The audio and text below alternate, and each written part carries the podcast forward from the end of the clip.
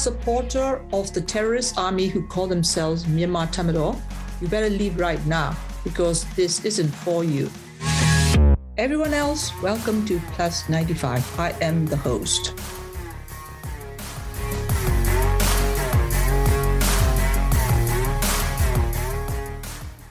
And today I'm going to interview a young documentary filmmaker called Lah Mu, who's been actively supporting the Karenni National Defense Force, KNDF, since the military coup in February 2021.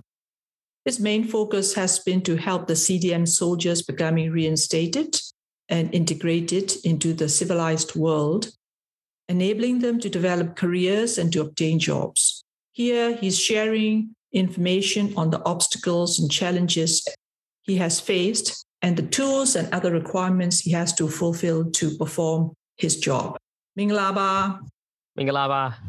Please, can you tell us how you joined the KNDF? Well, we had to complete the basic military training. And after that, we just looked around to see which group to join. And we had to rediscover connections, uh, as there were so many of them. Eventually, I reconnected with some guys I know, uh, and they asked me to come over. I see. How long was the military training? Um, it was two months for me, as I did two courses. So the first one was basic military training, and then another course uh, was on the use of explosives. I see. Can you tell me what's your current position and responsibilities within KNDF? I was in the office at the border before starting to work for the CDM department of the KNDF uh, supporting induction of the junta's CDM soldiers. And what we do is we welcome, motivate, and train them. So, for example, I would use video recordings of CDMers' experiences to persuade and convince the soldiers who were considering following them. And uh, we have a webpage called the Karenni Pidu Yingwin, and you can find them on Facebook on that page, and you can find video clips there as well. Oh, I see. Thank you. So, what did you find out during the conversations and interviews there? When CDM soldiers arrive, it's like entering them into a completely different world. They felt a lot of uncertainty about changing sides, and understandably, they feel insecure. And they're unsure about how to behave in the so called new world. So, we try to reassure and support them. The present premises for them are a little too remote. Many of them have been followed by their families, so we are also thinking about helping them to settle and provide training to help them run their own small businesses, uh, for example.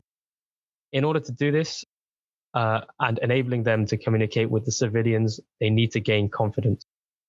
Although their strong Burmese accents may deter some of the local people from talking freely with them initially, they are overall very happy to be liberated and to be here with us. We also try to settle the kids into local schools, which is a real family benefit. It's very good. So, are there any officers among the CDMs? At present, there are some sergeant uh, entrants, but as they are very concerned about their personal information, I can't reveal any further detail. Sure, sure, I understand.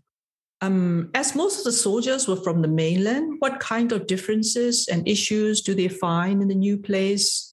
Language is the biggest barrier. The CDM trainee accents make the local people slightly cautious and unwelcoming. This makes the CDM soldiers and families unhappy and a little sad. And as a result, the families prefer to stay in the camp. Uh, they're, not, they're only confident to enter the village when accompanied by our staff who wear the KND badges. I see. Well, I've heard that those soldiers are now fighting for the KNDF against the military junta. Is that true? Our priority is to encourage more soldiers to participate in CDM. So once they let us know their wishes, we arrange a secure departure and send them to the assessment unit, where all their details are recorded. A few CDMers have been able to help us with some frontline work, but not many as yet, as our department is relatively new and we are still in the process of developing in every area. Some of our CDMers are involved in the protection and security of the villages and also doing the support supply work for their regional front lines. I see. Now, what kind of support do you need in developing the media and communication? The uh, internet, so Wi Fi connection is our main requirement. When the soldiers try to make the first contact, it is usually just the missed calls. So we have to follow that lead, which isn't easy. As for the media, we need quite a lot of equipment to set up the system. At the moment, I'm using my phone to produce the video recordings. A good quality camera, tripod, and lenses would help us produce better quality products, obviously. But we also need to equip the CDMers with uniform, kit, and badges. We go around to collect donations, but as our team is new, small, and not well known, even asking for a small amount is hard. Without the proper funding, all progress on development work has been very slow. I see. How about your data protection and security procedures? Currently, everything is stored in small memory cards, um, so about 64 gigabytes, for example. But they are physically small and could be easily mislaid or lost.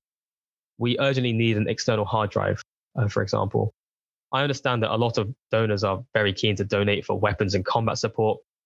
Our information and data, however, is or it will become crucial in documenting the making of the country's history.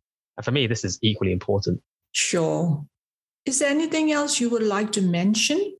It would be beneficial if the awareness uh, of the existence and work of our CDM department team can be spread as widely as possible so that we could expect more donors.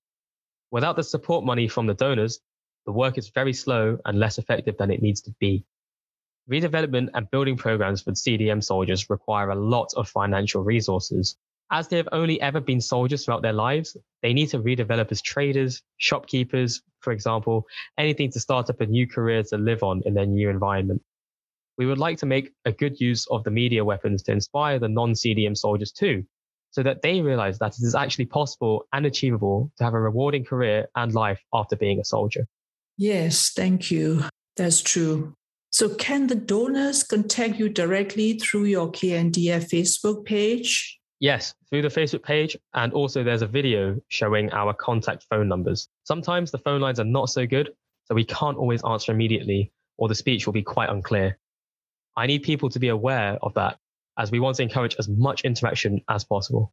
Thank you. As a last question, could you please tell me what you like to do after all this revolution period is successfully over? I will help to support the revolution in the best way that I can.